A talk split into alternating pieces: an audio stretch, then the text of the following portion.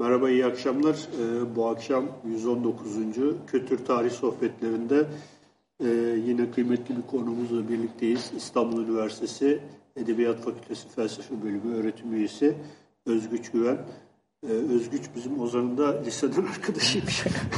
İki lisenin arasında kaldım. Öyle. Oraya aldık sizi. Ee, Torpil geçiyorum abi. Evet.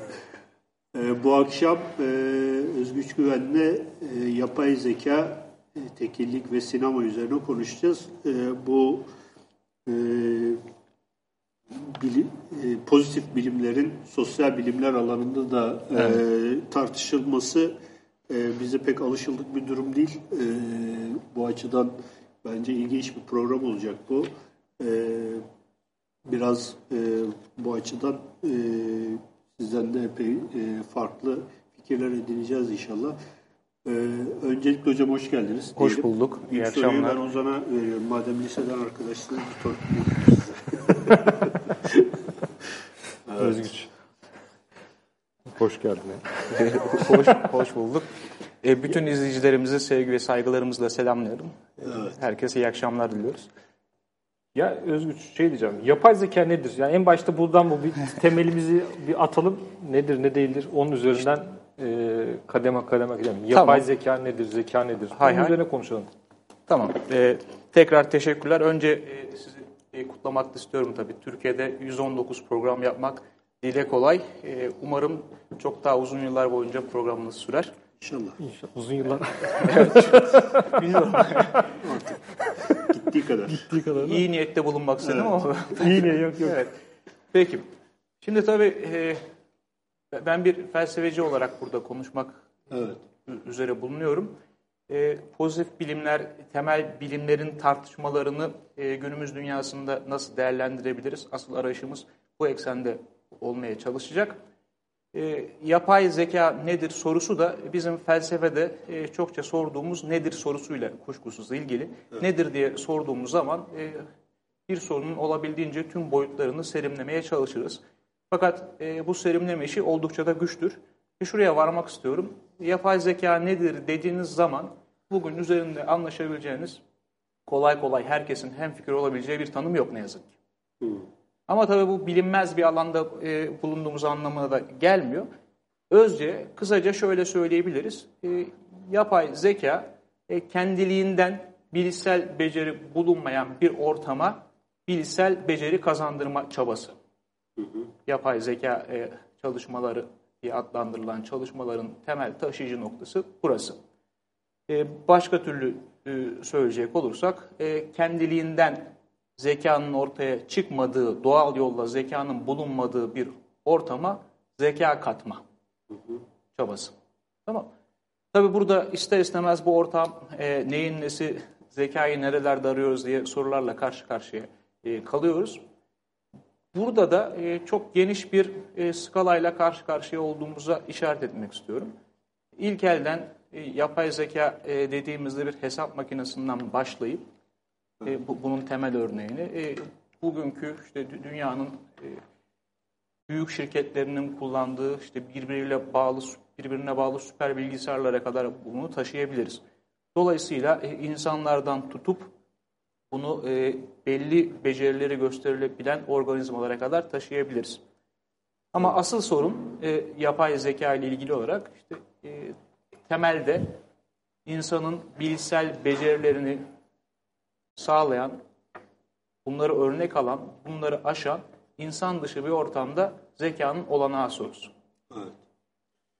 Hocam e, evet. bu e, şimdi günlük gündelik hayatta çok sık karşımıza çıkan bir kavram. İşte mesela sosyal medya algoritmaları var. Ondan evet. sonra sizi bunlar belli alışkanlıklara yönlendiriyorlar. İşte diyelim bir vitrinin önünde 10 saniye duruyorsunuz. Ertesi gün bir bakıyorsunuz Instagram'da tabii, onun tabii. reklamı var. Ondan sonra veya işte e, şey yaparken ekranda bir şeye normalden 3 saniye fazla durduğunuz zaman o sürekli sizin karşınıza çıkıyor. Hatta işte şimdi e, Amerika'daki seçimlerde bile bir takım böyle yani gerçi sadece Amerika'daki seçimlerde olmayabilir. Tabii. Ee, siyasi manipülasyon aracı olarak siyasi manipülasyonlar falan var.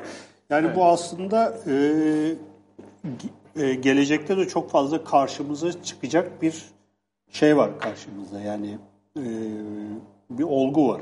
Evet. Bu felsefe bunun neresinde? Felsefe bunun temelinde.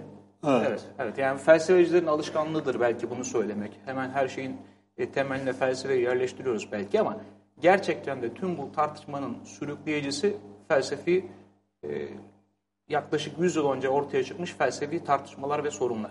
Biraz sonra onları e, girmeyi Hı-hı. düşünüyordum ama e, madem öyle e, birlikte girelim. Evet. E, şöyle başlayabiliriz. Ta hani yapa, yapay zeka e, düşüncesinin tarihte bağlamı neresi, nerede duruyor sorusuyla birlikte düşünebiliriz. Aristoteles'e kadar geri gidebiliriz. Yapay evet. zeka ile ilgili tartışmayı, fikirleri e, görebilmek için.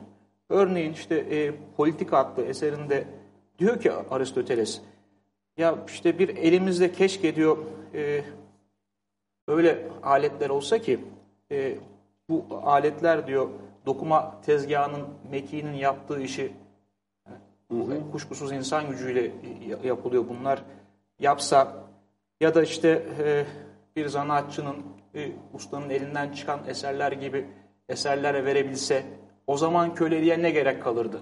Evet. E, basbayağı basbayağı, otomasyonu tarif ediyor. Otomasyonu, otomatları anlatıyor evet. Aristoteles. İnsanlık tarihinde işte insanın işte emekle ilişkisi kurulduğundan beri gerek mitoslarda gerek düşünce tarihinde insanın yaptığı işleri insana denk biçimde yapabilecek e, otomatların arayışında olduğunu e, görüyoruz düşünürlerin. Evet. Kültür tarihinde de bunun yeri var. İşte Descartes'ta biliyoruz ki Descartes e, res extensa res cogitans. İşte e, res cogitans yani düşünen varlık insana özgü bir e, varlık alanına karşılık geliyor ama bunun dışında kalan res cogitans'ın dışında kalan res extensa yani yer kaplayanların dünyasında aslında her şey mekanik kurallara göre gerçekleşiyor. Mekanik kurallara göre gerçekleşmesi ne demek? Orada bir e, başlangıç ilkelerinin bilindiği ve sonucunun da öngörülebildiği bir yasallık alanında bulunduğumuz anlamına geliyor. Evet. Yani belli bir iş akışı var orada. Bu iş akışına göre biz olup bitecekleri öngörebiliyoruz. Otomasyonun, otomatonun yani o e, kendiliğinden gerçekleşen hareketleri biz saptayabiliyoruz evrende. Evet. Sonra işte Hobbes'ta benzer düşünceleri görüyoruz. Sanayi e, devrimiyle beraber işte mekaniğin gücünün e, emeğe eklenmesiyle birlikte e, bu işlerin ivmelendiğini de biliyoruz. Çok ilgi çekici çalışmalar var. Örneğin e, Gökte Vökums'un adlı bir mucit var. Yaklaşık 1700'lü yıllarda e, 1709-1782 yanılmıyorsam hı hı. tarih aralığında yaşamış birisi bu kişi vak vaklayan, kanatlarını çırpan, önüne konulan yemi yiyebilen, hatta dışkı verebilen bir mekanik ördek tasarlamış. Hmm. Tamam mı? Çok, çok ilgi çekici. Evet. İşte fuarlarda bunu sergiliyorlar. Bu aynı zamanda yükselen doğa biriminin de gücünü gösteriyor tabii. Mekanik dünya, işte Newton fiziği, Newton mekaniği evrenin e, nasıl ön değilenebileceğine ilişkin çalışmaların yükseldiği bir dönem ve bu çalışmaları kuşkusuz yükselten de e, sanayi devrimi ve kapitalizm. E, kapitalizmin e, değer üretme süreçleri diyelim. Mümkün olduğunca çok değer üretebilme e, çabası e, bilimi ivmelendiriyor diyelim. E, bu tartışmalar bir noktadan sonra e, gelip tıkanıyor. Şimdi biraz sonra nedenini söyleyeceğim tıkanıklık e, bu tartışmaların zeminindeki temel bilimlerle ilgili e, bir takım çözülmez, çözülmemiş ya da o döneme kadar çözülmemiş soruların bulunuşu ile ilgili. E, matematik, mantık kuşkusuz e, sözünü ettiğim iki temel bilim. Olmazsa olmazı, e, programın belki ilerleyen e, bölümlerinde temel bilimlerin teknoloji üretmek açısından önemi üzerine de konuşabiliriz. Tabii. Bütün bu anlatacağımız hikayenin gerisinde çünkü temel bilim var. Temel bilim yoksa yenilik de yok. E, şimdilerin moda deyimiyle inovasyon falan yok. Bunu bir kenara bırakalım. Temel bilim vurgusu son derece önemli. Ne demek istiyorum bunu, söylemekle birlikte? E, matematikte e, 19. yüzyılın sonuna doğru bir temellendirme krizi ortaya çıkıyor. E, sayının ne olduğu, sayı yüzyıllardan beri matematik değer buluyor olmasına karşın bakılıyor ki kesin e, belirlenmiş ölçütlerle herkesin üzerinde anlaşabileceği bir tanım verilmemiş. Bu araştırma yani sayı temellendirme araştırması e, mantıkta bir yeniliğe yol açıyor. Gottlob Frege, büyük Alman e, matematikçi, filozofu bu yeniliğe ön ayak oluyor. Bu hikaye bizi yapay zekaya bağlayıcı için bütün bunları anlatıyorum. Yani tabii, tabii. Bunlar e, gereksiz ayrıntı olarak düşünülmesin lütfen. E, şöyle, Frege e, matematiği, sayıyı temellendirmeye çalıştığı sırada e, bu konuda var olan mantığın yetersiz olduğunu fark ediyor. Var olan mantık hangi mantık? Aristoteles'in mantığı. O büyük filozof Aristoteles'in mantığı. 2500 yıldan beri değişmeyen bir mantık anlayışından söz ediyoruz. Hiç de e, aşağılayıcı, yerici sözlerle değinmek ve anmak da istemiyorum bu mantığı.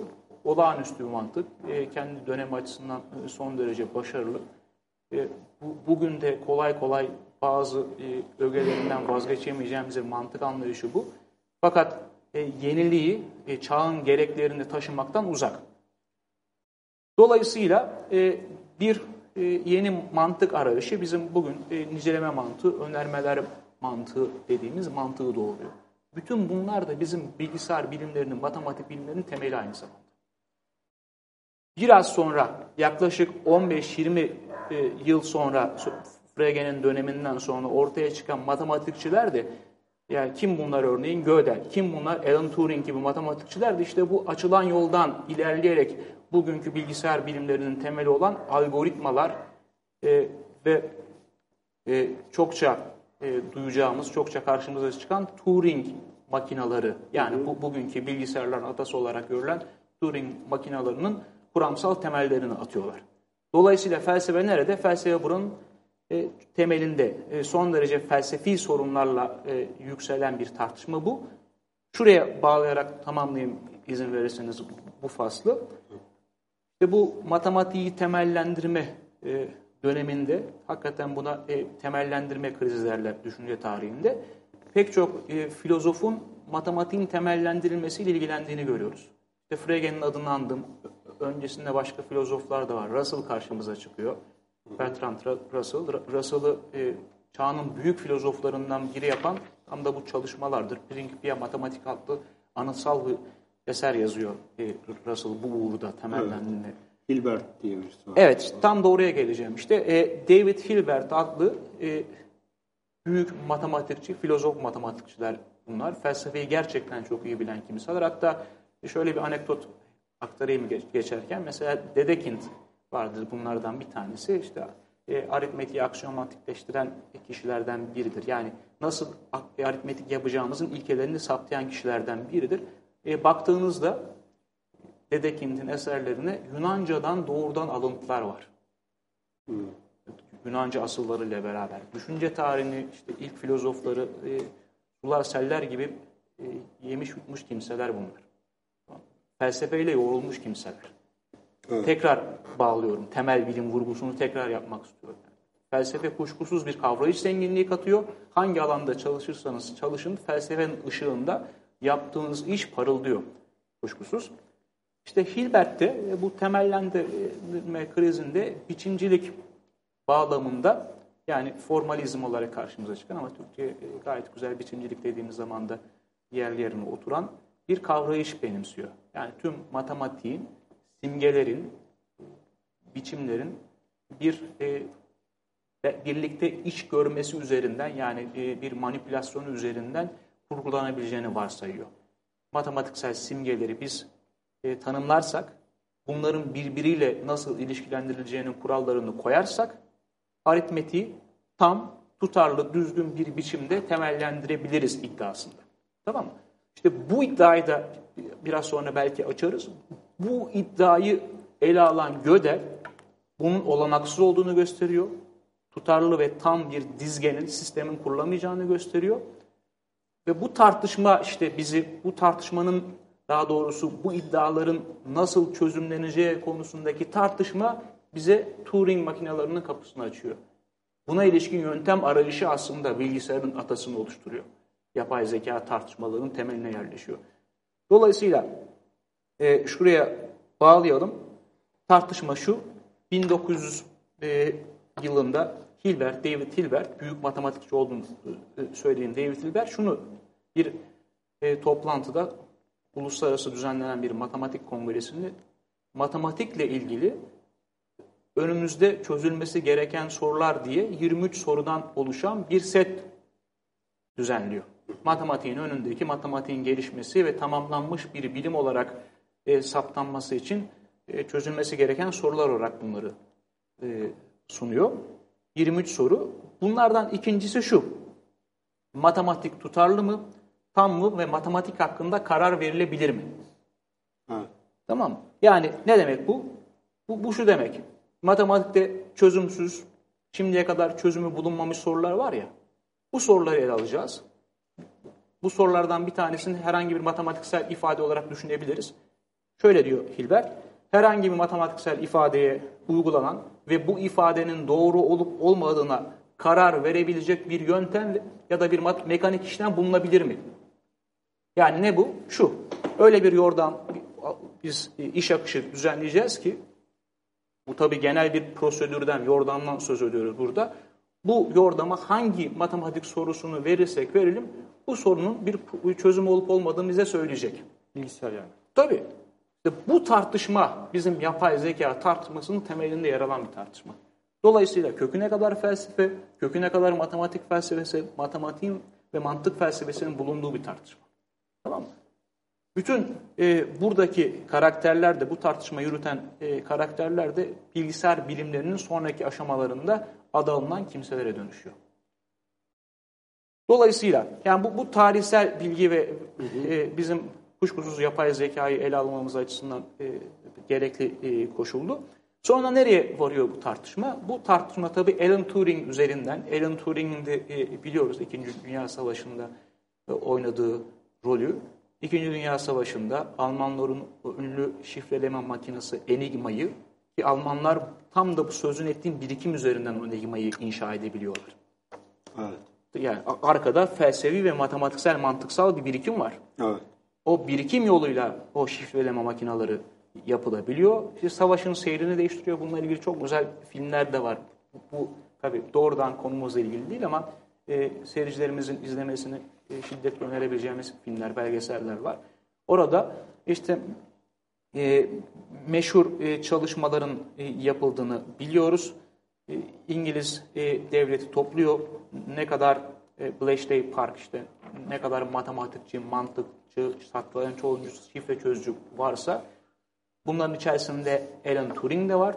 Alan Turing e, tam da bu sorularla ilgilenen, işte Gödel'in tamamlanamazlık teoremlerin üzerinde çalışan, bu sözün ettiğimiz türde matematikteki tüm soruları çözüp çözemeyecek bir algoritmanın olup olmadığını araştıran bir matematikçi olarak iş yapıyor. İngiliz devleti buluyor. İngiliz derin devleti. evet, bu, buluyor e, Alan Turing'i. E, Bletchley'deki e, e, parktaki o ekibin içerisine dahil ediyor ve sonrasında bildiğimiz işte Enigma'nın şifresinin e, kırılması ilk bilgisayar olarak düşünebileceğimiz ya da bilgisayarların ilk örneklerinden biri olarak tasarlayabileceğimiz o makineyi kuruyor ve yani normal bir insanın becerisinin yetmeyeceği işlem yapabilme kapasitesi açısından bir yapay zeka prototipiyle bunu rahatlıkla söyleyebiliriz ya da bilgisayar prototipiyle diyelim daha düzgün bir ifadeyle şifreyi çözüyor. Dolayısıyla nereye e, bağlıyoruz? Bu, bu tartışma tekrar altını çizecek olursa içerisinde bolca mantığın, felsefenin e, bulunduğu e, teknoloji sosunun sonradan giydirildiği, yedirildiği bir tartışma. Evet. Tamam. Yani bu tartışma nereye varıyor? İnsan olmanın sınırları ile ilgili bir tartışma. İnsan nasıl akıl yürütüyor tartışması. Yapay zeka dedi. İnsanın düşünüşünün, insan düşünüşünün bileşenleri neler? Biz ne tür e, düşünce tarzlarıyla birlikte düşünüyoruz. Düşünce tarzları derken e, şunu anlatmaya çalışıyorum. Yavaş yavaş da yapay zekanın özellikleri ne olabilir araştırmak adına bunu söylüyorum. E, bizim aslında farkında olmadan yaptığımız pek çok e, düşünme tarzı var. Ne, ne demek istiyorum? Örneğin biz tümden gelim düşünüyoruz. Her gün otobüs durağına çıktığımız zaman e, tüme varımlı düşünüyoruz. Her gün otobüs durağına çıktığımız zaman işte daha önce otobüs durağına çıktığımızda otobüsün geleceğini öğrenmiş, deneyimlemiş olmamızdan dolayı bir otobüsün geleceğini varsayıyoruz. Tüme varım mı? Evet.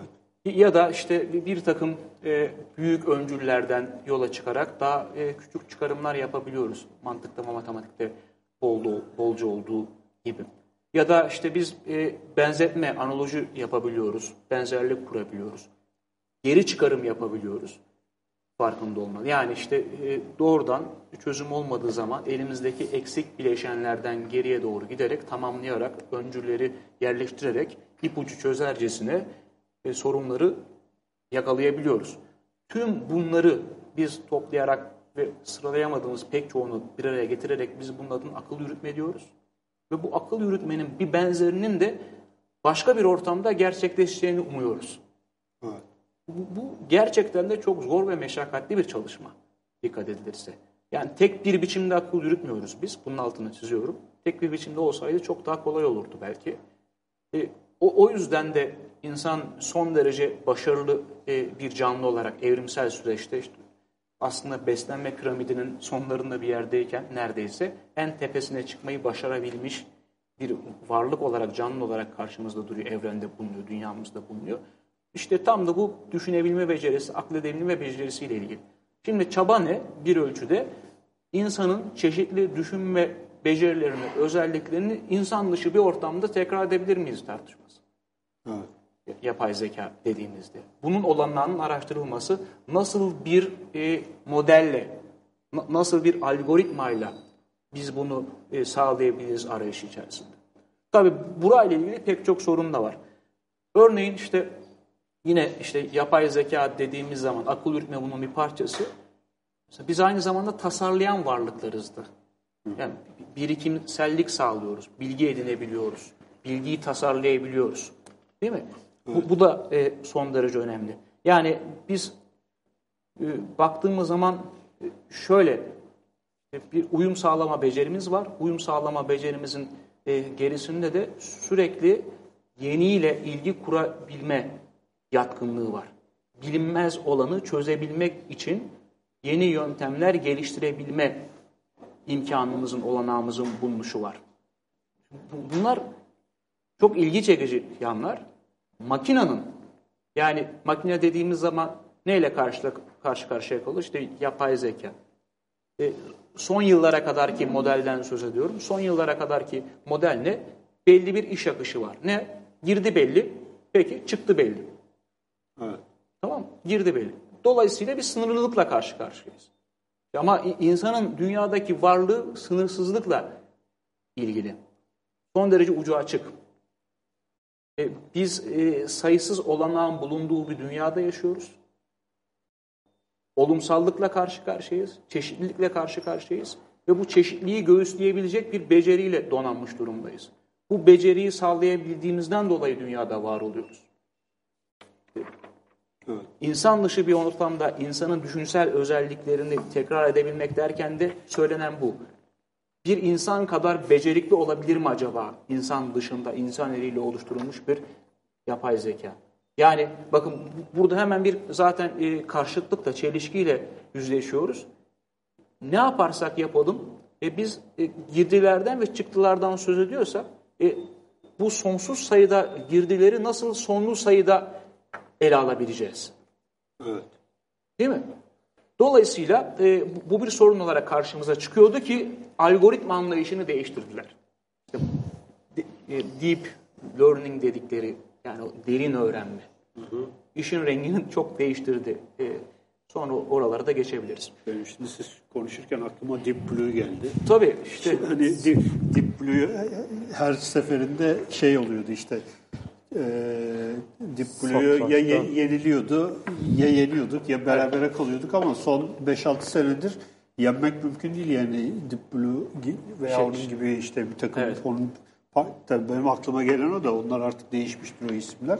Neredeyse imkansız hale geldi ve e, çok evet, az biraz işte berabere kalmak bile bir tabii. şey haline Alfa geldi. Go'yu diyorsunuz. Go oyunu. Evet. Satranç e, demin sözünü ettiğimiz bağlamda işte yine işte girdileri çıktıları belli olabilen taktik olanakları daha sınırlı sayılabilecek Go ile karşılaştırıldığında hı hı. sınırlı sayılabilecek bir oyun.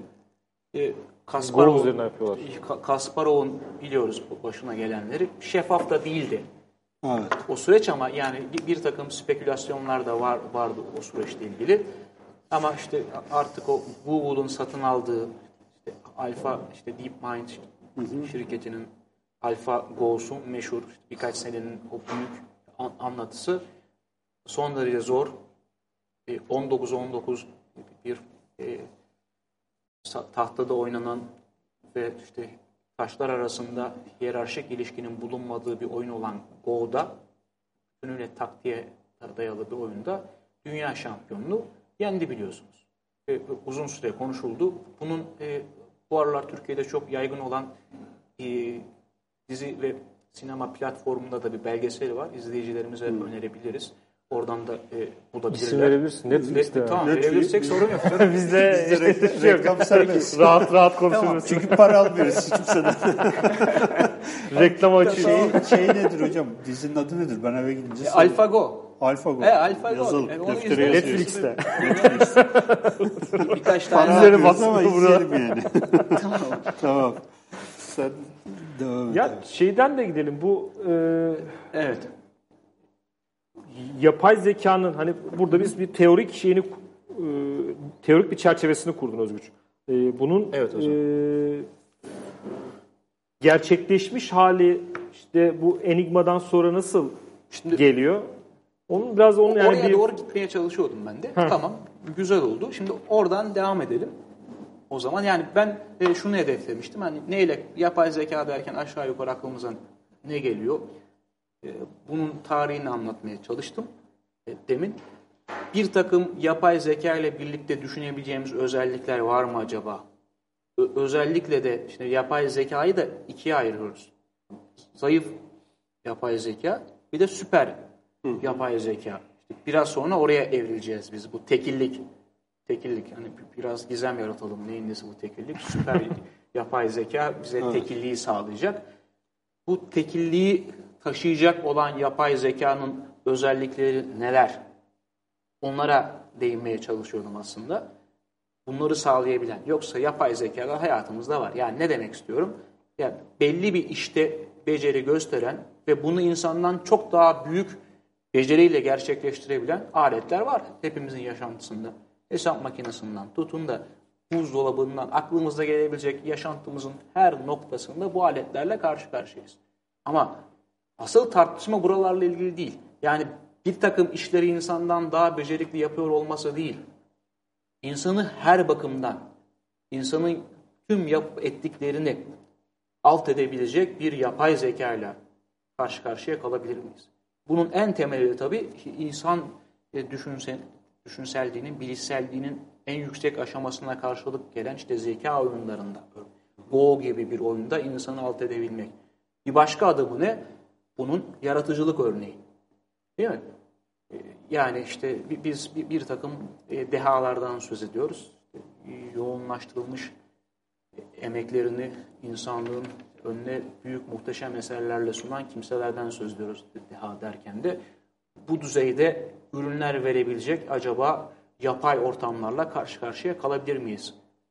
Bunlar sorun. Bunların her birini yavaş yavaş yapmaya başladılar. Çok ilgi çekici bu. Yani işte belki bir başka zaman e, bunu tabii internette yine bulabilir izleyicilerimiz. Örneğin işte Mozart gibi, örneğin Bach gibi, örneğin Beethoven gibi besteler yapabilen yapay zekalarla karşı karşıyayız. Evet. Tablo. Şimdi resim yapan, ta tablolar, beste yapan. Evet. İşte e, sonra işte bir, bir takım dağarcığı kullanarak, dağarcığı kullanarak şiirler yazabilen, yani biçimselleştirilebilen, biçimsel dizge bizim açımızdan çok e, önemli bir kavram burada. Yani biçimsel e, dizge, formal system dedikleri işte biçimsel dizge. Ne bu biçimsel dizge? ABC'si belli, yani simgeleri, alfabesi belli ve bu alfabenin, bu simgelerin birbiriyle nasıl ilişkilendirilebileceğinin kuralları saptanmış olan bir yapıdan söz ediyoruz. Biçimsel dizge derken. Çağımızın e, karakterini veren kavramlardan biri biçimsel dizgeler. Bu biçimsel dizgeler oluşturarak biz pek çok başarıyı gösteriyoruz. Madem reklam konuşmakta sakınca yok. Şirket isimlerini şey anmakta. Evet. Şimdi çok ilgi çekici değil mi? Spotify'da karşınıza çıkanlar. Biraz Spotify kullanmaya başladığınız zaman bir süre sonra size haftalık önerilerde bulunuyor. Ha. Ve yaklaşık olarak sizin ne dinlediğinizi saptayabiliyor Spotify. Değil mi? Evet. Ve bir, bir takım işte e, sizin parça seçimlerinizden, kendinizin seçtiği örneklerden bir kısmı, bir kısmı da biçimselleştirerek sizin seçtikleriniz. Yani işte dijital bir ortamdayız zaten. Onların izini, e, onların e, o her ne kadar sesle karşı karşıya kalsak da o, seslerin izlerini dizgeselleştirerek o e, izleri örnek alan yeni izler önünüze koyarak yapabiliyorlar. Değil mi? Dolayısıyla şimdi hani bazı bakımlardan becerikli yapay zekalarla zaten karşı karşıyayız biz. Çok uzun zamandan beri böyle. Enigma'dan sonra neler oldu? Yavaş yavaş bunlar oldu Enigma'dan. Uzman makineler dönemine geçtik örneğin. Uzman makineler ne? Belli bir işte son derece başarılı. Özellikle de bu, bunu psikoterapi ve psikolojide e, kullanma eğilimindeler. E, bunun örneklerini bulabilirsiniz yine. Böyle tabii bunlar koşullu önermeler üzerinden programlanmış. Yine demin sözünü ettiğim e, girdi çıktı e, algoritmasına bağlı olarak. Bir dağarcık oluşturuluyor. Bu dağarcığa göre diyelim ki başınız mı ağrıyor? Evet ya da hayır. Evet'in sorusu belli, hayırın sorusu belli. Canınız mı sıkılıyor? Evet. Siz neyin sıktığını biliyor musunuz? Hayır.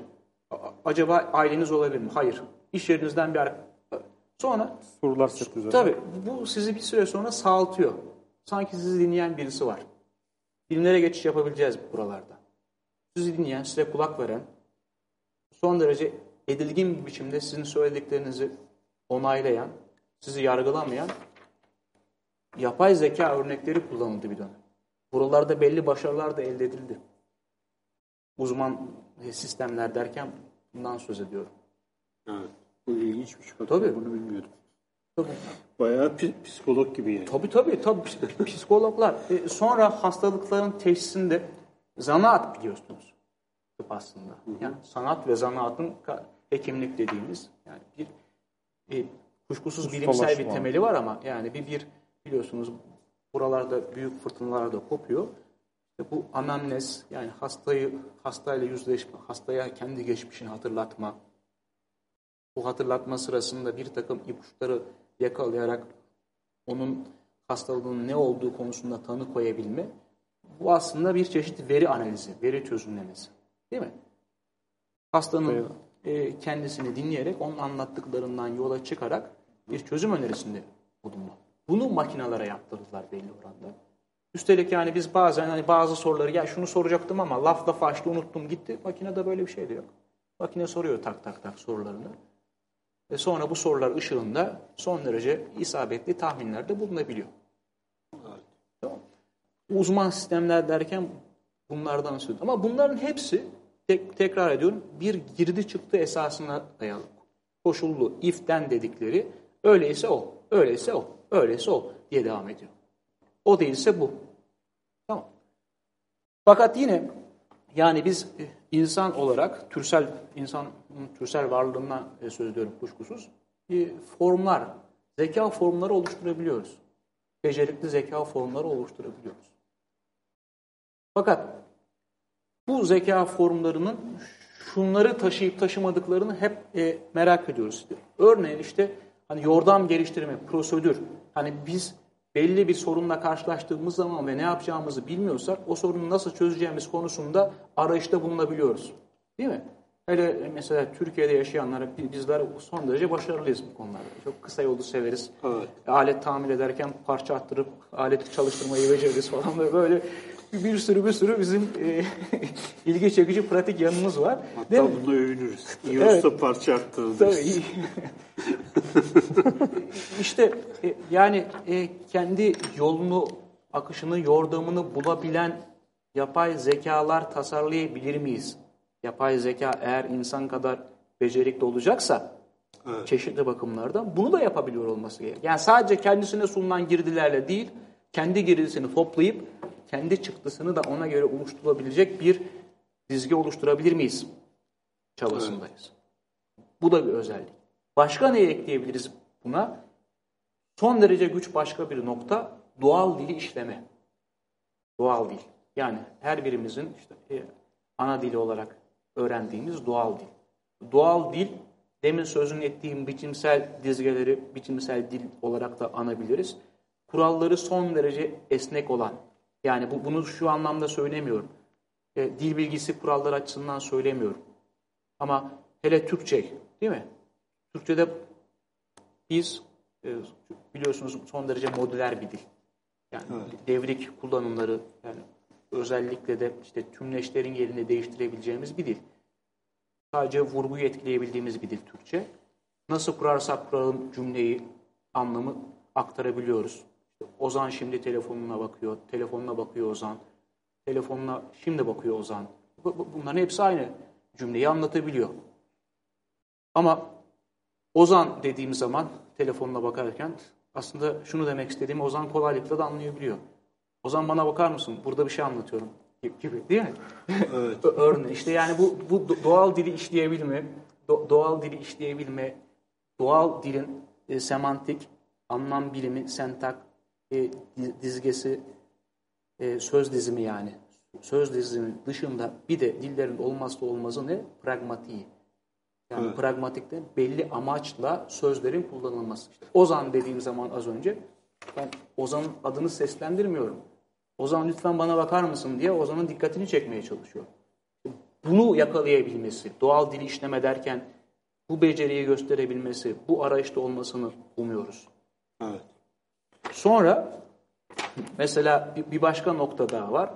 Yapay zeka öğrenmeyi ekledik ya. Öğrenebilirken de işte o bilgi tasarlayabilme ve tanıma var bunun işin içerisinde. Bu, işte, tabii işte günümüz tekellerinin, o uluslararası işte bilişim tekellerinin insanlığa ne tür oyunlar oynadıklarını bunları cesurca söylemekte de fayda var. Bilemiyoruz tabii. Yani evet. bir, bir, hinlik olabileceğini de her zaman hesaba katmak gerekiyor. En son biliyorsunuz bu 10 yıl e, furyası diyelim. Bu 10 yıl furyası ile ilgili söylentilere bakılırsa algılama, öğrenme, tanıma ile ilgili özellikle resim tanıma, daha doğrusu şöyle söyleyelim. Şimdi insan gözü, e, gözü insanın bilişselliği, yani tüm duyumsama yetilerini birlikte düşündüğümüz zaman son derece becerikli. Çok kolaylıkla nesneleri tanımlayabiliyoruz. Evet. Değil mi? Ama henüz işte bu konuda yapay zekalar insan kadar başarılı değil. O yüzden mesela kapçatalar var değil mi? in, internette. Sık sık işte siz olduğunu, insan olduğunuzu hmm. doğrulayın. İşte şuradan üç tane arabayı seçer misiniz? Uflatarak bizi. İşte orada trafik ışıklarını seçer misiniz? O, o ne? Bir, bir şey tanıma. Bunu niye bize yaptırıyorlar? Karşı bilgisayarın öbür tarafındakinin bir insan olup olmadığını. Henüz bu aşamada olmadıklarını, ortalama tabii bu. Hı hı. Ve bilişim tekerlerinin elindekiler ise işte bu nesne tanımayı, görüntü tanımayı giderek geliştirmeye çalışıyorlar. Bir, bir takım eskizlerden, bir takım silüetlerden biz bunu tanımlayabiliyoruz kolaylıkla. Açık ve seçik olarak görme dediğimiz yani o, o şeyi o şey yapan özellikler onu diğer şeylerden ayırt eden özellikleri yakalıyoruz. Zihinsel beceri olarak işleyebiliyoruz. Bu işleme becerisini makineye anlatmaya çalışıyorlar. Şu dönemde yoğunluklu olarak. Size bakın muazzam bir veri kaynağı. 10 yıl önce Ozan Sağsöz nasıldı, şimdi nasıl? Özgür Güven nasıldı, Cengiz Özdemir nasıldı? Evet. Verilerini geliştirmesine kendi elimizde imkan sağlıyoruz diyenler var. Tamam mı? Yani hala şurayı e, anlatmaya çalışıyorum. Tanıma, öğrenme konusunda bir takım eksiklikler var. Bu eksiklikleri e, veri e, manuel yolla yani e, insan yardımıyla e, diyelim tamamlamaya çalışıyorlar. Şimdi bu girdi çıktılar konusundaki e, anlayış değişti demiştim ya son hı hı. 10 yılda 10-20 e, yılda diye nasıl bir anlayışa doğru evriliyor? Bir takım temel girdileri yine veriyorsunuz. Ama bu girdileri işleyebilip bu girdileri farklı çıktılarla verebilen yapılardan söz ediyoruz. Evet. Yani girdi bu işin olmazsa olmazı girdisini toplayabilir, önemli değil. Ama insan deneyimi, insanın bilip öğrendikleri, biriktirdiklerini edinerek kendi çıktısını kazanmasını kolaylaştırabiliyoruz biz. Özgür, buradan evet. e, bir diğer kavram olan başlıkta geçen tekillik kavramına geçelim Az. İki tane, iki başlıktan sonra yani gideceğiz. sinemaya geleceğiz daha. Gece uzun. Metrobüs 12'ye kadar var biliyorsun. Öyle? Yok yok sabah kadar olduğunu biliyorum. Bırakmayacağım sizi. şu, ay, şu kadarını söyleyeyim. Şimdi bunlar çünkü bize tekilliği açacak kapılar. Ondan dolayı e, de- değinmek durumunda e, duymuşuyorum kendimi. Bir tanesi de işte bu algılama. Yani dem- demin aslında insan gibi olmasa bile. Şimdi şunu da söylemek istemiyorum. İnsan gibi işte biz belli dalga boyunda iş görüyoruz, işitiyoruz. Bu da değil. E, Ayırdına varma. Yani duyum ve algı arasında biz felsefede farkı öyle koyuyoruz. Yani bilincinde olduğumuz duyumlar algıya dönüşüyor. Yani bak- bakıyoruz ve fark ediyoruz. Hani görüyoruz başka deyişle. Bunu yaptırabilmek. Bu konuda hala büyük engeller var Evet. makinalara. Yani o e, e, gerek çözünürlükle ilgili sorunlar ki bunlar teknolojik sınırlılıklar bu işin çok küçük bir parçasını oluşturuyor. Teorik temeller, teorik olanaklar sağlanabiliyorsa sorun çözülmüştür. Ama hala teorik olanaklarla ilgili sorunlar var. Değineceğim onlara tekillikle ilgili olarak. Bir başka nokta sosyal başarı. Tamam mı? Sosyal başarı ne? Son zamanlarda bi- biliyorsunuz işte Twitter'da işte çeşitli Microsoft'un e, bir yapay zekasının insanlarla etkileşimi sağlandı. Test edildi daha doğrusu. İnternet deyince de internet biliyorsunuz trollsüz Olmuyor. olmuyor. Dünyanın çeşitli e, yörelerinden troller de e, bu yapay zeka chatbot'unu yani bu konuşma otomasyonunu diyelim trollemeye çalışıyorlar. Ve sonuç birkaç gün içerisinde son derece kısa süre içerisinde ırkçı kadın düşmanı bir varlığa dönüşmesi. Oradan gelen verilerle Tabii. şey oluyor Tabii, değil mi? Kendini tabii, geliştiriyor. Tabii işte veri ve- veri yorumluyor, veri çekiyor. Ona e, nasıl veri verirseniz ona göre kendini biçimlendiriyor. Şimdi bu bizi başka bir noktaya daha taşıyacak. Sinemayla birlikte bu konuyu daha sesli dillendirebiliriz, daha çok dillendirebiliriz. Yapay zeka yalnızca teknolojik bir sorun değil demiştik girerken. Bu aynı zamanda felsefi bir sorun. Hangi bakımdan? İşte bakın felsefenin temel disiplinlerinden biri olan etik bir sorun aynı zamanda. Etik ilkeler olmadan yapay zekanın geliştirilip geliştirilemeyeceği sorun.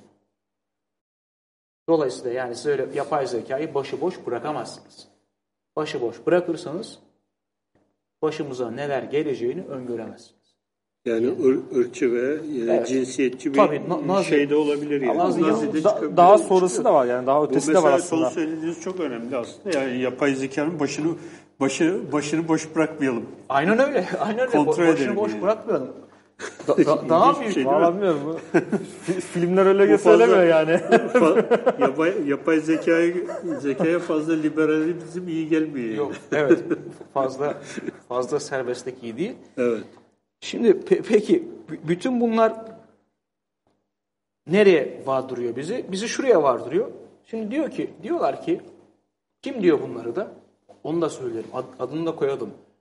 Bunları e, bizim biliyorsunuz yani biz konuşmayı seven, sohbet etmeyi seven bir toplumuz. Evet. E, e, bunları söyleyenler bö- böyle e, bizim dışımızdaki e, dünyanın e, sıradan insanları değil. Sıradan bilim kurgu yazarları değil. Bilim kurgu yazarları söylüyor ama sıradan gelişi güzel edilmiş sözler değil. Tekillik sorununa giriyorum. Singularity sorununa giriyorum. Kim söylüyor bunu, bunu örneğin? Tekillik diye kavramı ilk ortaya atan kişi kim? Von Neumann. John von Neumann. Kim bu von Neumann?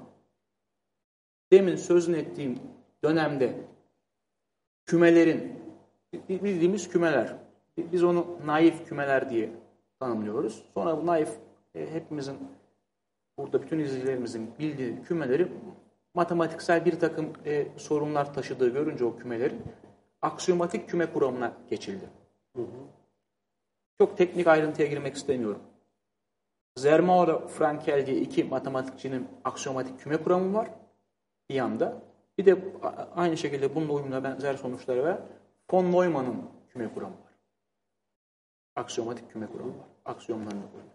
Von Neumann tekilliği kullanıyor. Tamam. Sonra ilk bu tekillik konusunda ne olduğunu söylemiyorum. Söyleyeceğim. ısrarla. Kim başka ilk tartışmaları açıyor? Argümantatif tartışmaları açıyor. Bletchley Park'ta o Enigma'nın şifresini kıran ekipte yer alan bir matematikçi daha. Turing değil. Ba başka birisi de Irving John Wood diye bir matematikçi. Tamam mı? Ne diyor peki? Biz diyor hani zeka geliştiriyoruz ya sürekli. Bakın bunu da hangi tarihte söylüyor? 65'te söylüyor. 1965'te daha. O yüzden bu, bu teorik felsefi tartışma diye altına çiziyorum ısrarla. Daha ortada hiçbir şey yokken doğru düzgün bu tartışmalar yürütülüyor. Deniliyor ki işte biz zeka geliştiriyoruz, yapay zeka. E, geliştireceğiz, geliştireceğiz. Peki sonra öyle bir noktaya varacağız ki bu yapay zeka artık bizim yapabileceğimiz tüm şeylerin ötesinde insanın, türsel olarak insanın, tek tek insanlardan söz etmiyorum, türsel olarak insanın tüm becerilerinin, türsel becerilerin ötesinde kendi kendisini evriltebilen, kendi kendisini geliştirebilen bir varlık kazanacak. Tamam İşte bu durumunda da tekillik olacak. Bu insan eliyle çıkmış son yapay zeka olacak. Sonrasında? Sonrasında her şeyi kendisi yapacak. Ve bir ve bir kara döneme gireceğiz. İnsanlık açısından. Bir tehdit ortaya çıkacak. Tamam mı? Yani Heyecanlan, kötü, heyecanlanmaya başladı. Kötü senaryo Sonra kötü şeyler karşısında hep heyecanlanıyorsun yani. Yani işte buna ben... bir, biraz sonra biraz sonra sevincini gölgelemeye çalışacağım o zaman. Bu tasarının evet. önündeki teorik engelleri sıralamaya çalışacağım çünkü bir, bir hala bir, bir sorun var orada. Teorik bir sorun var. Bunu bakalım konuşacağız ama bunu biraz daha açalım tekillik sorununu. Son tamam. iyi güler. Son gülen iyi güler evet. bu, bu ne aslında? Bu, bu tanrısal bir zeka olacak. Yani orayı diyecektim ben aslında. Tanrısal bu şeye benziyor aslında. Neydi? Tabii. Rafael'in Rafael miydi o şey tablosu var ya e, Sistine Şapeli'ndeki şey Tanrı Adem'e elini değiyor. Tam yani orası galiba değil mi? Evet, işte, Tekillik anı o an yani. Değdiği evet, an yani. Aynen öyle. Bir, bir işte intelligence explosion diyorlar buna. Bir zeka patlaması gerçekleşecek. Hı hı. Olağanüstü bir evre bu artık. Ve bu noktadan sonra önü alınamaz, durulamaz biçimde o zeka, yapay zeka kendi kendini evriltebilecek işte evrenin tüm sırlarını ele geçirmeye çalışacak. Tüketecek anlamında söylemiyorum. Daha büyük bir beceriyle olup biteni anlamaya çalışacak. Bakın çok ilgi çekici sözler söylüyorum. Anlamak diyorum. Bakın henüz şimdiye kadar anlamaktan söz etmemiştim. Çünkü bu çok önemli bir tartışmaya da karşılık geliyor aynı zamanda. işte. Bu konularla biz zihin felsefesinde, dil felsefesinde ama temel olarak ma mantıkta zihin felsefesinde e, ilgileniyoruz bu konularla. Oralarda e, önemli bir tartışma, işte Searle örneğin bu tartışmayı yürütüyor. Yapay zekaların anlayıp anlamadığı tartışma. Çin odası e, deneyi var. Yani işte biz bir yapay zeka başarıyla bir dilden başka bir dile çeviri yapabilir. Hı hı. Tamam. Yani kabaca söylüyorum yani düşünce deneyi bu. Ama tam böyle olmasa bile ne olduğunu söylüyorum. Ama tek kelime hata yapmadan bu çeviriyi yapıyor olmasına rağmen anlama düzeyinde bunu gerçekleştiremez. Anlamak başka bir şey. Niye? Çünkü sadece bir iş akışını gerçekleştiriyor. Google Translate gibi yani orada çeviriyor. İşte o, o, oralarda biraz iş karıştı. Google Translate'e bir dokunuş gerçekleşti. Hala dokunuyorlar. O AlphaGo oralarda iş yapıyor işte veri yani ne yapıyor? Aslında veri topluyor. Google Books falan bunlar ilgi çekici çalışmalar. Bir yandan insanlar büyük olanaklar açıyor Google Books. Hepimiz baktık. Bakmaya da devam ediyoruz. İşte tez yazarken, makale yazarken elimizin altında bir şey oluyor. Ama bir yandan da mesela Türkçe'de çevirisi olan kitaplar üzerinden düşündüğümüz zaman değil mi? Çeviri, kitabın orijinali belli, çevirisi belli. Dolaşımda milyarlarca sözcük var bu veri işleyip en özgün karşılıkların ne olduğunu önümüze koymaya başladılar. Evet. Bu, bu sözünü ettiğim işte yeni işte derin öğrenme aracılığıyla bunları gerçekleştiriyorlar. Hala alınacak çok yol var ama büyük başarıyla çevirilerin iyileştiğini görebiliyoruz. Değil mi? Evet. İşte şu, şuraya e, bağlıyorum. E, öyle bir ileride biz makinelerle karşılaşacağız ki e, şöyle bu John Good bir makale yazıyor. İlk ultra intelligent machine diyor. İlk işte ultra zeki makina ile ilgili düşünceler adlı 1965'te. Bu makalede e, şunları söylüyor. Öyle bir ultra zeki makine olacak ki bu tüm insan becerilerini alt edebilecek. Tamam mı? Böyle bir makine. Ve bundan sonra işte kendisi başka makineler geliştirebilecek. Ondan sonra e, ve bu bir zeka patlamasına o kullanıyor. Yol açacak. Ve ardından da işte insan zekası dediğimiz evrenin o parıltılı olanağı olan insan zekasını geride bırakacak. Ardında makinaların devri başlayacak. Tamam mı? Makinaların bilim yükselişi. kurgu filmlerine Tabii. geldik burada. E, işte evet. İşte ha. bu tartışma bakın 65'te teorik düzlemde ve bir literatür var bununla ilgili takip edilebilecek. Tamam. Evet. Bunlar öyle kıyıda köşede seste falan herhalde o zamanlar ya da işte ne bileyim sanda falan yazılmadı İngiltere'de. Bunlar anlı şanlı felsefe dergilerinde yayılıma sokuldu, dolaşıma girdi. Tamam Evet. O bakımdan mesela bir diyor ki e, Kurzweil diye Raymond Kurzweil onun da kitabı çıktı Türkçe'de İnsanlık 2.0 diye. Hı. Orada şöyle bir e, benzetmesi var. Tıpkı diyor bir e, e, kara deliğin olay ufkuna doğru işte madde ve enerjiyi çekmesi gibi değil mi? Kara delik böyle tasarlanıyor. Bir tekillik ortaya çıktığı zaman da tüm olup bitenleri, tüm işte zihinsel etkinliklerimizi tümel olarak bunu söylüyorum elbette ki insan yaşamının her yönünü tepeden tırnağa içine çekecek ve yeni bir aşamaya geçeceğiz. Tamam. Dolayısıyla e, kuşkusuz demin sıraladığım yapay zeka ile ilgili temel özellikleri işte o öğrenebilme, becerisini arttırma, yordam oluşturabilme, duygusal becerileri geliştirebilme gibi e, bütün o süreçleri de, bütün o özellikleri de böyle bir süper yapay zekanın ya da genel yapay zekanın da gerçekleştirmesini bekliyoruz teorik olarak. Ancak bu yapılabildiği zaman insan bilişsel becerisini aştığını söyleyebiliyoruz. Dolayısıyla bu sahne işte, bu teorik e, temel kendisini sahne olarak özellikle andım. Sinemada evet. kuruyor yeniden. Filmler üzerinden dolaşıma sokuluyor. Ben burada evet ufak bir şeyle, e, müdahaleyle e, e, buyurun şey yapacağım. Yol, açıp oradan da e, gitme taraftarıyım. Yani şeye benzetiyorum ben aslında. Bu başlığı seçerken ki e, kafamda olan şey de aslında şuydu. E,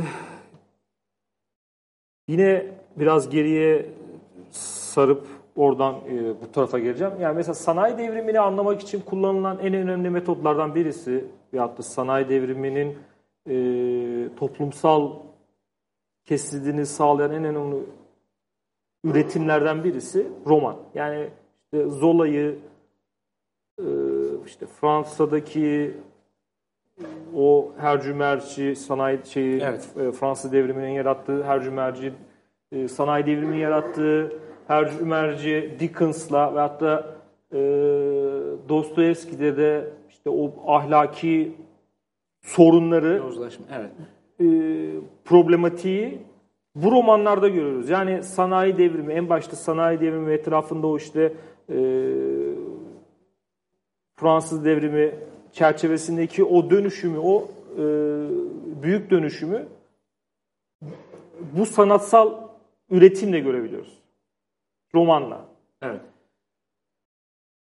Çağımızda ise yani ben şeye denk geldiğini düşünüyorum. Bu işte endüstri 4.0 falan diyorlar ama yani sanayi devrimiyle cesamet olarak o büyüklükte hatta ondan daha da öteye bir dönüştürücü bir etkisi olduğunu düşünüyorum. Şu anda tabii biz içinde olduğumuz için o şeyi de göremiyoruz. Ee, nedir? Ç- çağın akışını göre, göremiyoruz ama bununla da bu kesidi sağlayabilecek e,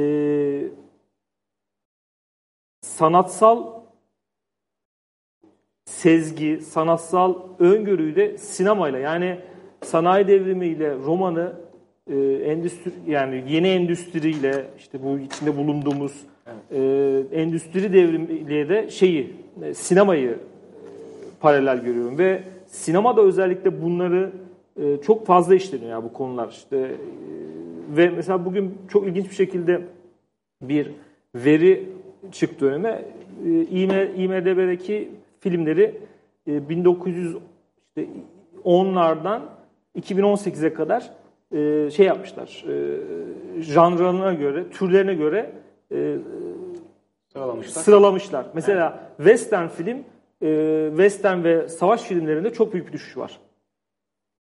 Western, western bitmiş gibi yani mesela. Ama buna ters olarak mesela bilim kurgu filmi 1960'lardan sonra belki 65'ten sonra şeyi indirdim, o veriyi indirdim.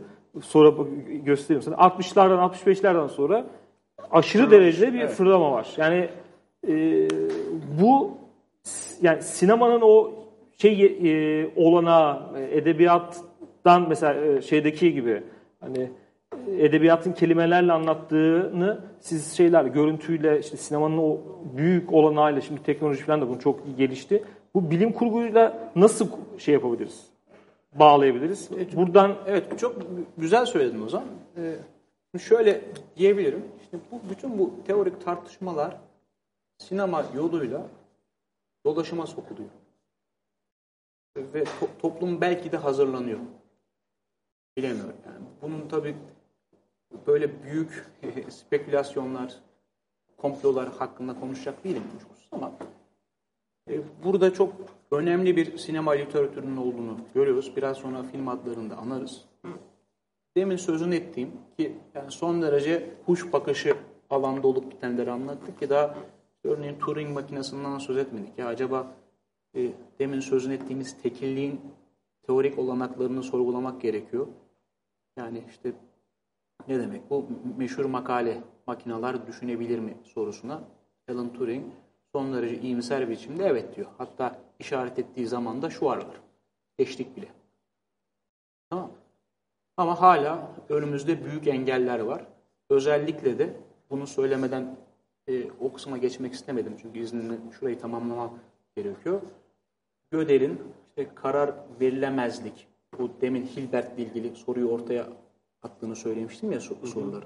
Gödel şunu söylüyor. İşte birinci düzey mantıkta Burası çok önemli değil. Yani elimizde bir ifade olacak. Bu ifadeyi girdi olarak herhangi bir ifadeyi, herhangi matematiksel ifadeyi belli özelleşmiş anlamda söylemiyor. Herhangi matematiksel ifadeyi girdi olarak kabul edip bu e, girdinin doğru ya da yanlış olacağına evet ya da hayır diyerek yani ne olduğunu saptayarak karar verebilecek genel bir algoritma yok. Bunun olanaksız olduğunu gösteriyor Gödel. Tamam mı? Yani ha, her zaman bu ne demek? İşte bu sözün ettiğimiz işte ne olursa olsun, nasıl düzenlenir, düzenlenir. Elimizde bir algoritma var. Bu kapalı bir yapı bir yanıyla. Bu kapalı yapı içerisinde karşımıza çıkan ama ne olduğuna karar veremeyeceğimiz doğru olup olmadığı konusunda daha doğrusu şöyle söyleyeyim daha e, açık ve anlaşılır olması açısından söylüyorum. İşte tutarlılık dediğimiz zaman biz şunu anlıyoruz. Tutarlılık olması birbiriyle çelişik iki ifadenin bulunmaması demek bir dizgede. Evet. Tamam Şimdiki kullandığımız işte örneğin işte aritmetik işlemler yapıyoruz. Yani işte yapıyoruz yapıyoruz sonra bir bakıyoruz o kurallarını öğrendik. Karşımıza o kuralları uygulayınca iki farklı sonuç çıkıyor. Buna yer yok. Tutarlılık bu. Değil mi? Değil ve kendisinin aynı anda karşımıza çıkmaması. Öbür taraftan da tamlıktan söz ediyoruz biz. Tamlık ne demek? Ya bir dizgi içerisindeyiz yine. Dizgi içerisinde karşımıza bir ifade çıkıyor. Bu ifadenin dizgi içerisinde izini sürebilmeliyiz başka deyişle. Yani e, dizgede o ifadenin doğruluğu ya da yanlışlığı hakkında bize karar verebilecek bir yapı bulunmalı. Hı hı. Tamam, beklenti bu. Dizgenin böyle bir yapıda düzenlenmesi. Gödel bunun olanaksız olduğunu gösteriyor. Tam ve tutarlılığının bir rüya olduğunu deyim yerindeyse. Metafor elbette kullanıyorum. Tamam. Şimdi bunu yapay zekalar üzerinden düşündüğümüz zaman büyük bir sorunla karşı karşıyayız. Bakın herhangi bir matematiksel ifadenin doğruluğuna karar verecek genel bir algoritmanın olamayacağını söylüyor. Karar verilemezlik bu. Şimdi bu tekillik sorunu hani gerçekten de çok büyük beceriler gösterebilen bir yapay zeka ile karşı karşıya kalabiliriz. Ama bu sorunu nasıl çözeriz? Burayla ilgili bir süre giden tartışma var. Şöyle söyleniyor ki derin öğrenmede iş biraz bu tarafa doğru kaymış gibi görünüyor. Bir e, algoritma bulunamaz ama bir başka algoritma o algoritmanın eksiğini giderebilir. Tamam mı? Elimizde bir ifade var. Bu ifade karar veremedi.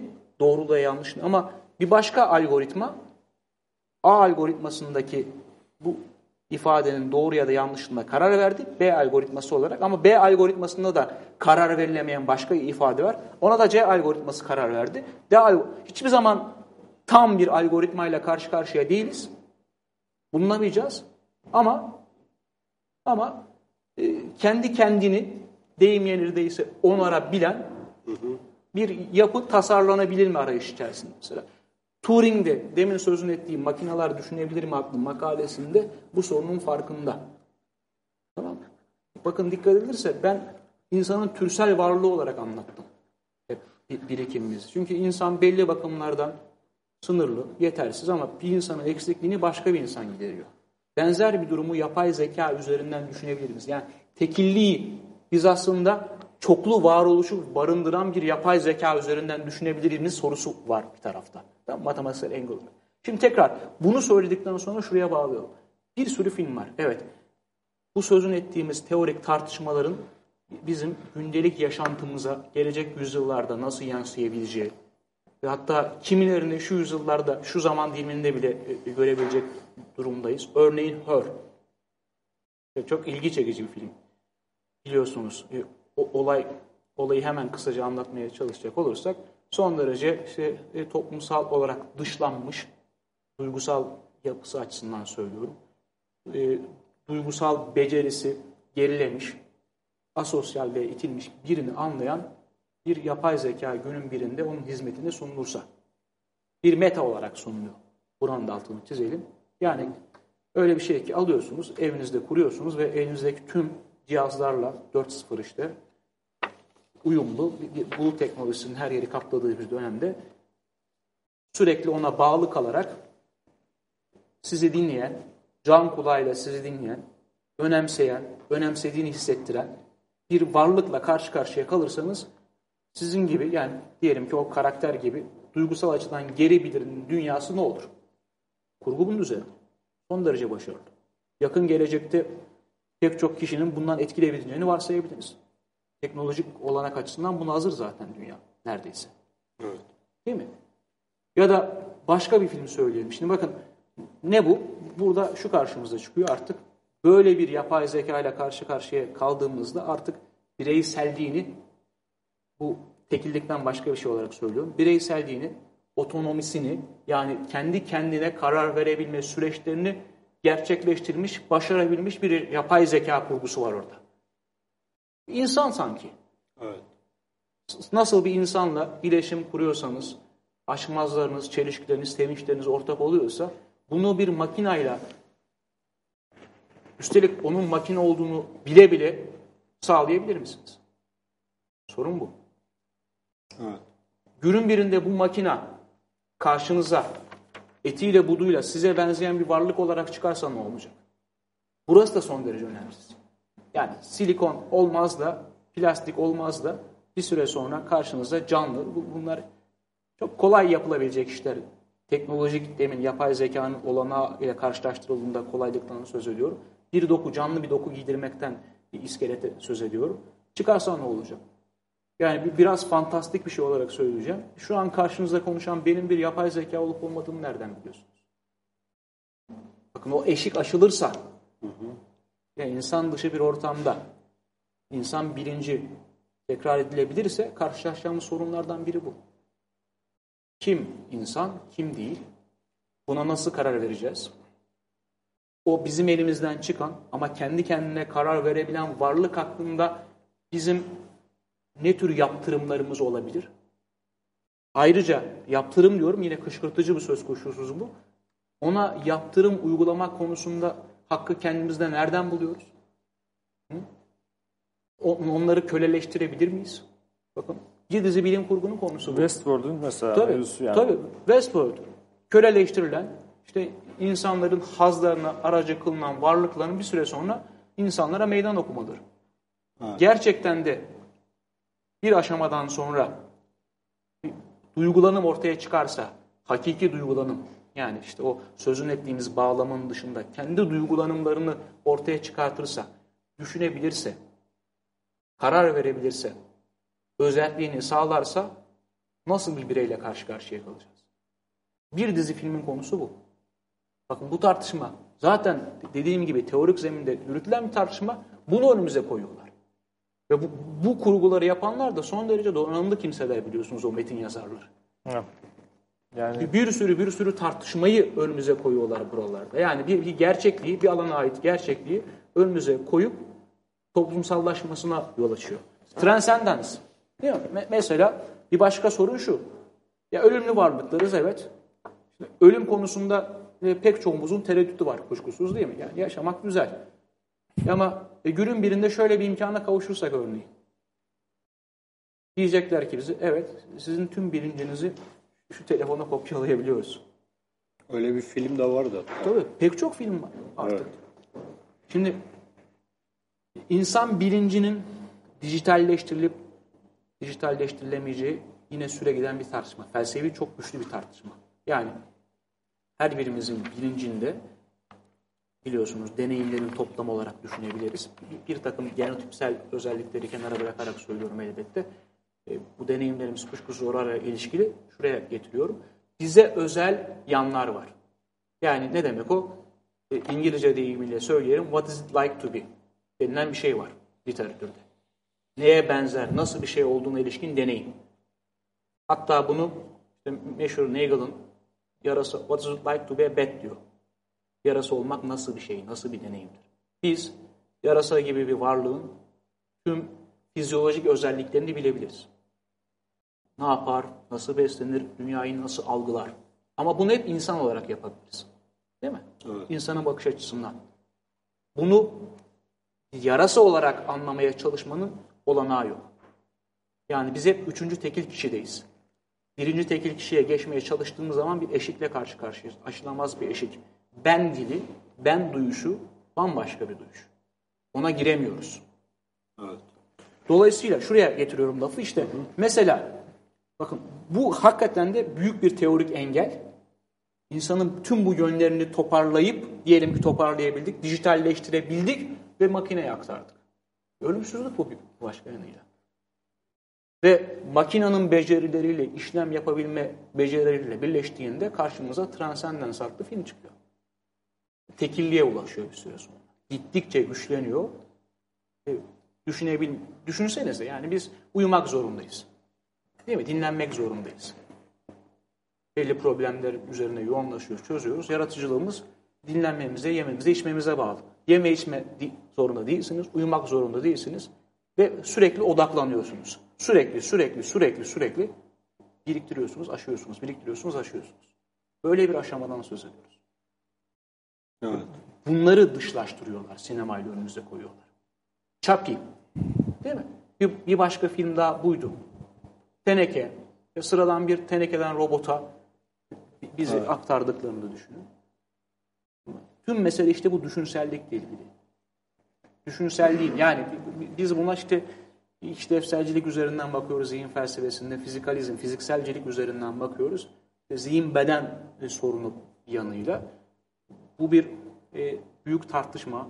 Zihin bedenin birlikte varoluşu. Hangisi hangisini belirliyor, ne üzerinden kuruluyor. Burada ayrıntılarına girmeyelim şimdi boğulmamak için ama düşünselliğin ortaya çıkması e, o düşünselliği ortaya çıkartana bağlı değildir diyenler var. O düşünselliğin temel özellikleri yakalandığında o başka ortamlarda da yinelenebilir diyenler var. O kavrayışı, o anlayışı sürdürürsek işte karşımıza bunlar çıkıyor. Transcendence çıkıyor. Bir yandan işte bir yandan o sözün ettiğimiz çapı çıkıyor. Yani evet yaşadığımız dünyanın tabi o büyük işte romanlarda dünyanın yaşadığımız dünyanın tüm yönleri hemen hemen yansıtılmaya çalış, yansıtmacı anlayışlardı onlar. Gerçekçi ve doğalcı anlayışlarla yazılan romanlarda bunlar belki ama yaşadığımız dünyanın tüm yönleri filmlerde karşımıza çıkmasa bile gelecek yüzyılları belirleyecek bir e, teknolojik altyapıdan söz ediyoruz. O filmlerde e, bize bunlar sunuluyor. Ya da örneğin Ex Machina. Bir zamanların ölü makinesi değil mi? Evet. Ölü ama yeni bir yaşam formu olarak karşımızda. Yani işte bir düşünselliği olan, bir benliği olan, seçimlerini yapabilen bir varlığı siz nasıl olup da alıkoyabilirsiniz? Ona işkence uygulayabilirsiniz. Bakın, insan haklarından söz ediyoruz. Değil mi? Rahmetli Ömer Naci hocamızın deyişiyle o şöyle söylerdi. Hayvanların hakkı bulunmaz derdi. Ama bunu tabii, tabii insan hayvana şefkat gösterir. Hayvanın tabii bu dünyada yaşama hakkı bulunur. O anlamda yani bunu bir kötücüllük olarak söylemiyordur kuşkusuz. Buradaki vurgu şunaydı. Hak talebi karşılıklı talep, gerçekleşir. Değil mi? E sizden hak talep edemez hayvan. Eşitsiz bir ilişki var. Ama sizden hak talep eden bir varlık karşısında bu taleplere karşı durabilir misiniz siz? Ya da nereye kadar karşı durabilirsiniz? Hı? Evinize aldınız, e, bakın Humans diye başka bir diziden söz ediyoruz. Evet, becerikli bir ev kadını diyelim, ev işçisi oldu robot. Ama günün birinde daha üst sürümü çıktı, sürümü çıktı. Sonra e ben artık seni istemiyorum, seni yükselteceğim, sen git, yenisi gelsin. Dediğinizde o, git dediğiniz ne olacak? Yine filmlerin konusu. Evet. Dolayısıyla tüm mesele işte bu işte insanı insan yapan temel özelliklerinden biri olan otonominin, özelliğin ki zaten felsefe olarak biz bunun peşindeyiz, bunu savunuyoruz. Etik de temel olarak değil mi? Tüm e, birikim mücadelesi yapılıyorsa bunun uğruna yapılıyor. Her bireyin özel seçimi olan varlığa dönüşmesi için yapılıyor. Karşımıza insan dışı başka bir ortamda çıktığında biz ne yapacağız? İnsanlık olarak buna hazır mıyız? Ve tamam eşitimiz olarak çıktığı zaman diyelim ki yine söz hakkı bizde olacak. Ya bizi aşan, bizden daha becerikli biri olarak, bir varlık olarak çıkarsa durum ne olacak? Tekillik bizi buraya taşıyor işte oralarda. İnsana baktığımız zaman insan gezegen için bir tehdit. Kendi dışındaki türlere saygısı yok. Dünyayı hızla kirletiyor. Kaynaklarını yok ediyor. Değil mi? Bu yapay zekanın, o süper yapay zekanın e, seçimleri üzerinden insanı değerlendireceği, genel olarak değerlendireceği bir gelecekte insanın gezegende yaşamak olur muydu?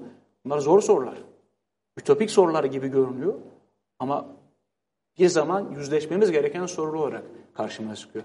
Ya da Başka bir noktada biliyorsunuz bu konular hakkında da çok yazılıp çiziliyor. Person of Interest diye de e, dizisi de çekildi bunun. Dünyadaki bütün haberleşme e, biliyorsunuz ki belli kanallar üzerinden yürüyor. Yani işte uçtan uca şifrelense bile kimilerinin güvenliği son derece tartışmalı. Bütün bunları analiz eden, çözümleyen bir süper bilgisayar. Değil mi? Kurgu onun üzerine ve bu süper bilgisayarın giderek insanı e, hedef alması, insandan uzaklaşması ya da işte belli çıkar gruplarının e, odağında onların beklentilerine göre bu süper bilgisayarların, süper yapay zekaların iş görmesi. Karamsar bir tablo gibi görünüyor ama e, bunlar e, bir yanıyla bizim yakın gelecekte yüzleşmemiz gereken sorular olarak duruyor. Hocam çok teşekkür ediyoruz. Yavaş yavaş artık toparlayalım. Ee, tamam. Bu bütün bu konuşmaların e, sonucunda ortaya çıkan şey şu herhalde. Yani bu e, teknoloji denilen şey e, felsefeden, temel bilimlerden, mantıktan, şundan evet. bundan bağımsız bir şey değil. Hatta evet. bu e, bunlar olmadı olmadan e, yapılan e, bir e, teknik bir hadise de değil. Yani değil, bu, değil. bu açıdan e, sizin sabahtan beri bu anlattığınız şeyler e, aslında bayağı ahlaki sorunlar evet. ifade ediyor. İşte bir etik meselesi, ondan sonra haklar meselesi Tabii. Ve gelecek geleceğe yönelik e, bir takım e, problemleri de artık yavaş yavaş belki düşünmemiz gerektiğini evet. şey yapıyor. Evet. Senin söyleyeceğin bir şey var mı Ozan? Abi şeyin içine gömülü yani her şey. Ee, her ne kadar senin dediğin gibi teknik gibi görünse de işte bu düşüncenin, yani düşünce derken felsefenin içine gömülü bir şekilde duruyor bu, bu sorunlar. Ve içinde çok şey var yani işte bu Person of Interest izlerken benim aklıma bir şey gelir. Yani kader sorunu. Yani orada çok büyük bir şey var yani aslında. İnsanların yaşayıp yaşamayacağına veyahut da nasıl e, bir şeyle karşılaşacağına kim karar verecek yani? Evet. O, o öngörülemez. Mesela şeyde de vardır ya Minority Report'ta da vardı aynı, aynı mevzu. Hmm. Birçok şey var aslında ve bu sinema sadece bunun bir e, öngörüsü, bir sanatsal sezgisi içinde bunları evet. görüyor. Sanatsal bir sezgi evet. görüyor. Ve e, öyle ya da böyle yani işte olur veya da olmaz ama bize bir e, bir perspektif bir şey veriyor. Bakış açısı veriyor. O açıdan e, ben şeyleri çok önemsiyorum ve çok ciddi alıyorum bilim kurgu evet. e, romanlarını ve özellikle romanlarını, filmlerini e, yan yana. Çok önemli metinler. E, dediğin gibi şey gibi işte Dickens'ın ya da Zola'nın romanları kadar değerli ve şey metinler. Benim söyleyeceğim de yani genel olarak bu. Hocam çok evet. teşekkür ediyoruz. Ben teşekkür ederim. Çok teşekkür ederim. Ee, aşağı yukarı bir saat 15 dakika kadar e, sürdü programımız. Bizi bu saate kadar e, izleyen herkese e, çok teşekkür ediyoruz. Bu arada ekranımız kararmış ama ben gene de evet. kapanış anonsunu yapayım. E, bizi izlediğiniz için e, çok teşekkürler. Önümüzdeki hafta 120. yayında Ali Şimşek'le Ali Şimşek Mobidik üzerine, Mobidik üzerine konuşacağız, e, konuşacağız. Hepinize iyi akşamlar diliyoruz. Hoşçakalın.